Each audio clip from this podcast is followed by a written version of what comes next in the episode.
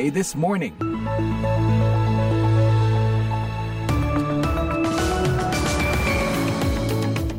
Halo pendengar di tanah air, selamat pagi. Inilah VOA Washington bersama saya Puspita Sariwati. Apa kabar? Semoga Anda sehat selalu ya dan bersiap menyambut Ramadan. Tak terasa sebentar lagi bulan Maret akan berlalu dan hari Paskah pun segera tiba. Semoga Anda selalu menikmati kehidupan ini. Nah, dalam VOA This Morning kali ini saya ditemani produser Karlina Amkas telah menyiapkan sejumlah laporan dan info terbaru. Di antaranya, Dewan Juri dari Kejaksaan Distrik Manhattan di New York akan segera memutuskan apakah akan mendakwa Donald Trump atau tidak. No one is above the law not even the former president of the United States. Dari dalam negeri, peraturan pemerintah pengganti undang-undang atau Perpu tentang Cipta Kerja disahkan. Apakah rancangan undang-undang tentang penetapan peraturan pemerintah pengganti undang-undang Perpu nomor 2 tahun 2022 tentang Cipta Kerja menjadi undang-undang dapat disetujui untuk disahkan menjadi undang-undang? Selain itu, berbagai info menarik akan kami sajikan di antaranya tanggal 21 Maret diperingati sebagai Hari Down Syndrome sedunia untuk membangkitkan kesadaran dunia mengenai sindroma Down. Siaran ini juga bisa Anda ikuti melalui situs www.voaindonesia.com atau simak dalam podcast VOA This Morning episode hari ini di podcast langganan Anda. Kini kami sampaikan berita dunia pagi ini. Pendengar Parlemen Israel hari Selasa membuka jalan bagi pemukim Yahudi untuk kembali ke empat pemukiman di tepi barat yang diduduki dengan mengubah Undang-Undang tahun 2005 yang memerintahkan evakuasi warga Yahudi. Langkah baru itu dikutuk oleh otoritas Palestina dan Uni Eropa. Pencabutan atas ketentuan tertentu dalam undang-undang sebelumnya itu memungkinkan warga Yahudi kembali ke empat pemukiman tepi barat. Pada tahun 2005, pemukiman itu diperintahkan untuk dikosongkan dengan syarat disetujui oleh militer Israel. Kepala Komite Urusan Luar Negeri dan Pertahanan Parlemen Israel, Yuli Edelstein, memuji tindakan itu sebagai langkah pertama dan sangat penting menuju perbaikan nyata dan penegakan Israel di wilayah tanah air miliknya. Sejak perang tahun 1967, Israel membangun sekitar 140 pemukiman di tanah yang dilihat Palestina sebagai inti dari negaranya pada masa depan tempat bagi lebih dari setengah juta pemukim Yahudi kini tinggal. Selain pemukiman resmi, kelompok-kelompok pemukim telah membangun banyak pos pengawasan tanpa izin pemerintah. Presiden Rusia Vladimir Putin menyambut pemimpin Tiongkok Xi Jinping di Kremlin hari Selasa untuk memulai pembicaraan resmi yang diperkirakan akan berfokus pada krisis Ukraina dan hubungan ekonomi Rusia yang semakin dalam dengan Tiongkok. Warga Rusia di pusat kota Moskow mengatakan kunjungan kenegaraan pemimpin Tiongkok itu penting bagi Rusia dan baik untuk hubungan kedua negara. Kebanyakan orang yang berbicara dengan kantor berita Reuters mengatakan mereka mengikuti berita tentang kunjungan Xi dan menyambut baik kerjasama antara Rusia dan Tiongkok.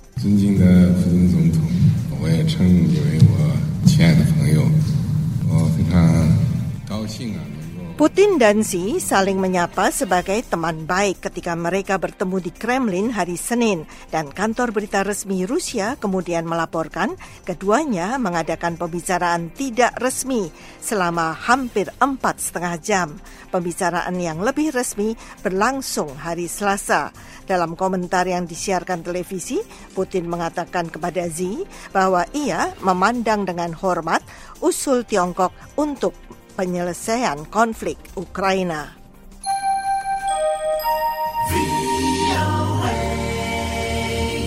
Setelah berminggu-minggu perdebatan di parlemen dan kemarahan publik tumpah ke jalan-jalan yang dipenuhi sampah, Presiden Prancis Emmanuel Macron memenangkan pertarungannya saat ini untuk menaikkan usia pensiun di Prancis dari 62 menjadi 64 tahun.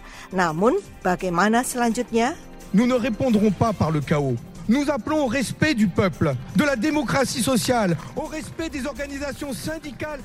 Setelah kekalahan dengan dua mosi tidak percaya hari Senin di Majelis Nasional yang akan menggulingkan pemerintahan Macron, satu dengan hanya sembilan suara, anggota parlemen oposisi dan serikat pekerja bersumpah untuk mencabut reformasi pensiun Macron dengan cara lain, termasuk pemogokan dan protes yang berkelanjutan yang bisa melumpuhkan negara itu. Protes berlangsung lebih banyak di Paris dan kota-kota lain setelah Mosi tidak percaya itu. Polisi menangkap puluhan orang dan memadamkan api yang membara di atas tumpukan sampah. Amerika hari Selasa memberlakukan sanksi terhadap empat entitas dan tiga orang di Iran dan Turki, menuduh mereka terlibat dalam pengadu, pengadaan peralatan termasuk pesawat nirawak asal Eropa yang mendukung program drone dan senjata Iran. Departemen Keuangan AS mengatakan jaringan pengadaan itu beroperasi atas nama Kementerian Pertahanan dan Logistik Angkatan Bersenjata Iran. Sanksi itu menandai langkah terbaru Washington yang menarget industri kendaraan udara tak berawak atau UAV Iran. Pemerintah Amerika awal bulan ini menjatuhkan sanksi pada jaringan yang berpusat di Tiongkok atas tuduhan mengirim komponen ke dirgantaraan ke perusahaan Iran yang terlibat dalam produksi drone. Iran menggunakan drone untuk menyerang kapal tanker minyak yang dan diekspor ke Rusia. Sekian berita dunia, Puspita Sariwati, VOA. Pendengar, tim juri yang dibentuk penuntut dari Kejaksaan Distrik Manhattan di New York, Elvin Bragg, akan segera menyelesaikan tugas mereka dan memutuskan apakah akan mendakwa Trump atau tidak. Kantor kejaksaan itu sedang menyelidiki kasus uang suap mantan Presiden Donald Trump untuk seorang bintang film porno. Berikut berbagai reaksi yang muncul. Sabtu lalu, Trump menulis di media sosial Truth Social, dia mengantisipasi dirinya akan ditangkap pada Selasa. Trump juga menyerukan kepada pendukungnya untuk melancarkan protes. Menurut kantor kejaksaan distrik Manhattan, Trump membayar bintang film porno Stormy Daniels 130 ribu dolar sebelum pemilihan presiden pada 2016. Uang tersebut dimaksudkan agar Daniels tutup mulut Pembayaran seperti itu merupakan pelanggaran terhadap hukum pendanaan kampanye. Senator Elizabeth Warren, seorang Demokrat, mengatakan, No one is above the law. Not even the former president of the United States. Tidak seorang pun yang tidak terjangkau hukum, sekalipun dia mantan presiden Amerika Serikat. Dan kalau ada penyelidikan, maka penyelidikan itu harus bisa melangkah maju secara benar.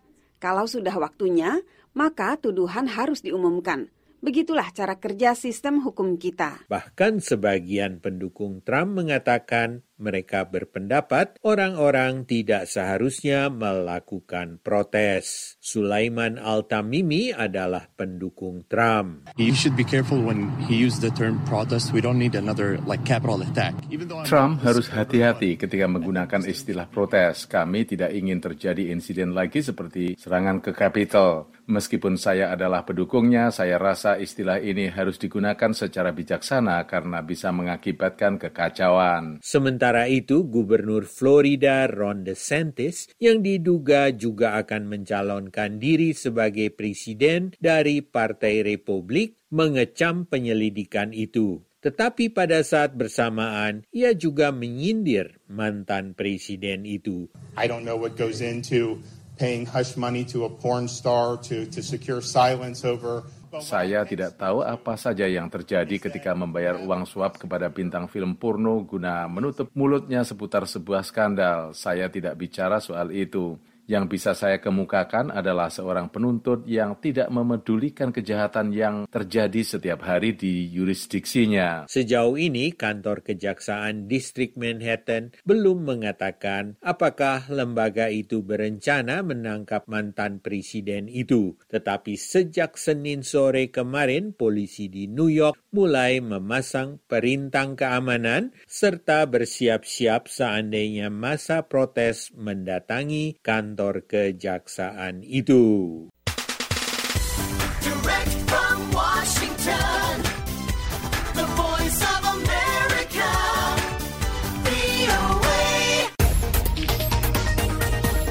Pendengar Duta Besar Rusia untuk Australia mengatakan orang Australia telah dicuci otaknya sehingga mendukung Ukraina.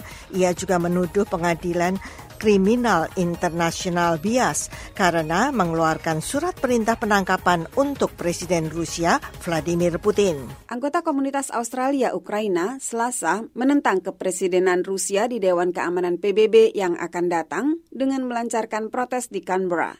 Penyelenggara rapat umum mengatakan dalam pernyataan bahwa untuk pertama kali dalam sejarah dunia, agresor dan negara sponsor terorisme akan menjadi presiden Dewan Keamanan. Duta Besar Rusia untuk Australia, Alexei Pavlovsky, percaya bahwa dukungan untuk Ukraina di Australia salah arah. Dia mengklaim publik Australia telah mengalami cuci otak dan mengabaikan motif Rusia menginvasi Ukraina. Pihak berwenang di Rusia mengatakan mereka hendak mendemilitarisasi dan denazifikasi Ukraina. Pavlovsky juga mengutuk tuduhan Pengadilan Kriminal Internasional atau ICC bahwa Presiden Rusia Vladimir Putin telah melakukan kejahatan perang di Ukraina. Ia menilai tuduhan itu bias. Pavlovsky Senin mengatakan kepada media penyiaran Australia, Australian Broadcasting Corporation, bahwa penyelidikan ICC sepihak dan berprasangka. First of all, I would like to uh, see these reports. From what I have seen so far, I gather that uh, the bodies you are referring to are more than biased. Pertama-tama saya ingin melihat laporan ini. Dari apa yang saya lihat sejauh ini, saya menyimpulkan bahwa institusi yang Anda maksud lebih dari bias. Mereka memiliki visi yang sempit. Mereka memilih untuk tidak memperhatikan banyak bukti kejahatan perang yang dilakukan Ukraina. Jadi poin saya adalah bahwa penyelidikan apa pun seharusnya tidak memihak. Rusia bukan negara anggota ICC. Pengadilan yang berbasis di Den Haag itu tidak memiliki wewenang di sana. Tetapi Presiden Putin bisa ditangkap jika dia melakukan perjalanan ke salah satu dari 123 negara anggota ICC. Sementara itu, Perdana Menteri Jepang Fumio Kishida selasa melakukan kunjungan mendadak ke Kiev. Ia mencuri dalam tanda petik sebagian perhatian global terhadap saingannya di Asia, Presiden Tiongkok Xi Jinping. Xi berada di Moskow untuk menunjukkan dukungan bagi Rusia yang melawan Barat atas invasinya ke Ukraina. ロシアによるウクライナ侵略は国際秩序の根幹を揺るがす暴挙です。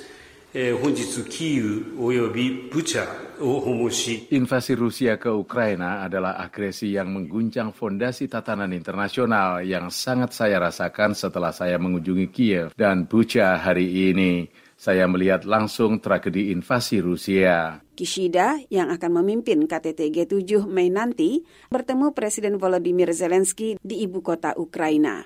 Pertemuan itu bertepatan dengan pembicaraan Xi untuk hari kedua dengan Presiden Vladimir Putin. Karlina Amkas, VOA, Washington.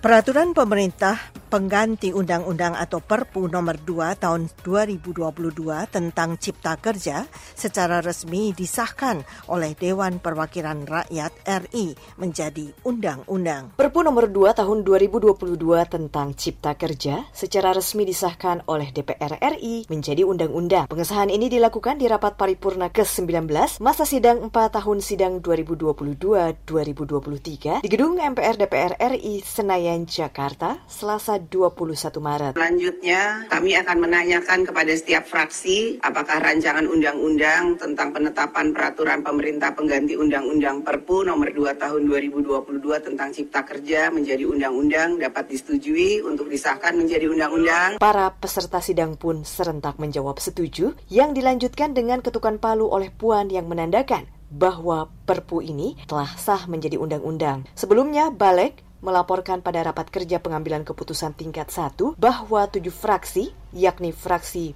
PDI Perjuangan, Partai Golkar, Gerindra, Nasdem, PKB, PAN, dan P3 menyatakan menerima hasil kerja panja dan setuju untuk melanjutkan ke tahap pembicaraan tingkat 2 dalam rapat paripurna DPR RI untuk disahkan menjadi undang-undang. Sebelum ketuk palu pengesahan Perpu Cipta Kerja menjadi undang-undang, fraksi Partai Demokrat dan PKS membeberkan alasan penolakan pengesahan Perpu Cipta Kerja menjadi undang-undang ini dalam sidang Perpu tersebut. Hinca Panjaitan dari fraksi Partai Demokrat mengatakan ia cukup memahami bahwa Undang-Undang Cipta Kerja mencakup berbagai peraturan yang terkait dengan investasi, ketenaga kerjaan, pengelolaan lingkungan hidup yang tentunya akan berhubungan dan berdampak langsung pada hajat hidup orang banyak. Maka dari itu katanya, partainya meyakini bahwa pembahasan RUU tersebut harus dilakukan dengan baik dan benar. Bahwa pembahasan RUU Cipta Kerja haruslah diproses secara matang, tidak tergesa-gesa serta melibatkan seluruh pemangku kepentingan, baik kaum buruh yang jumlahnya lebih dari 140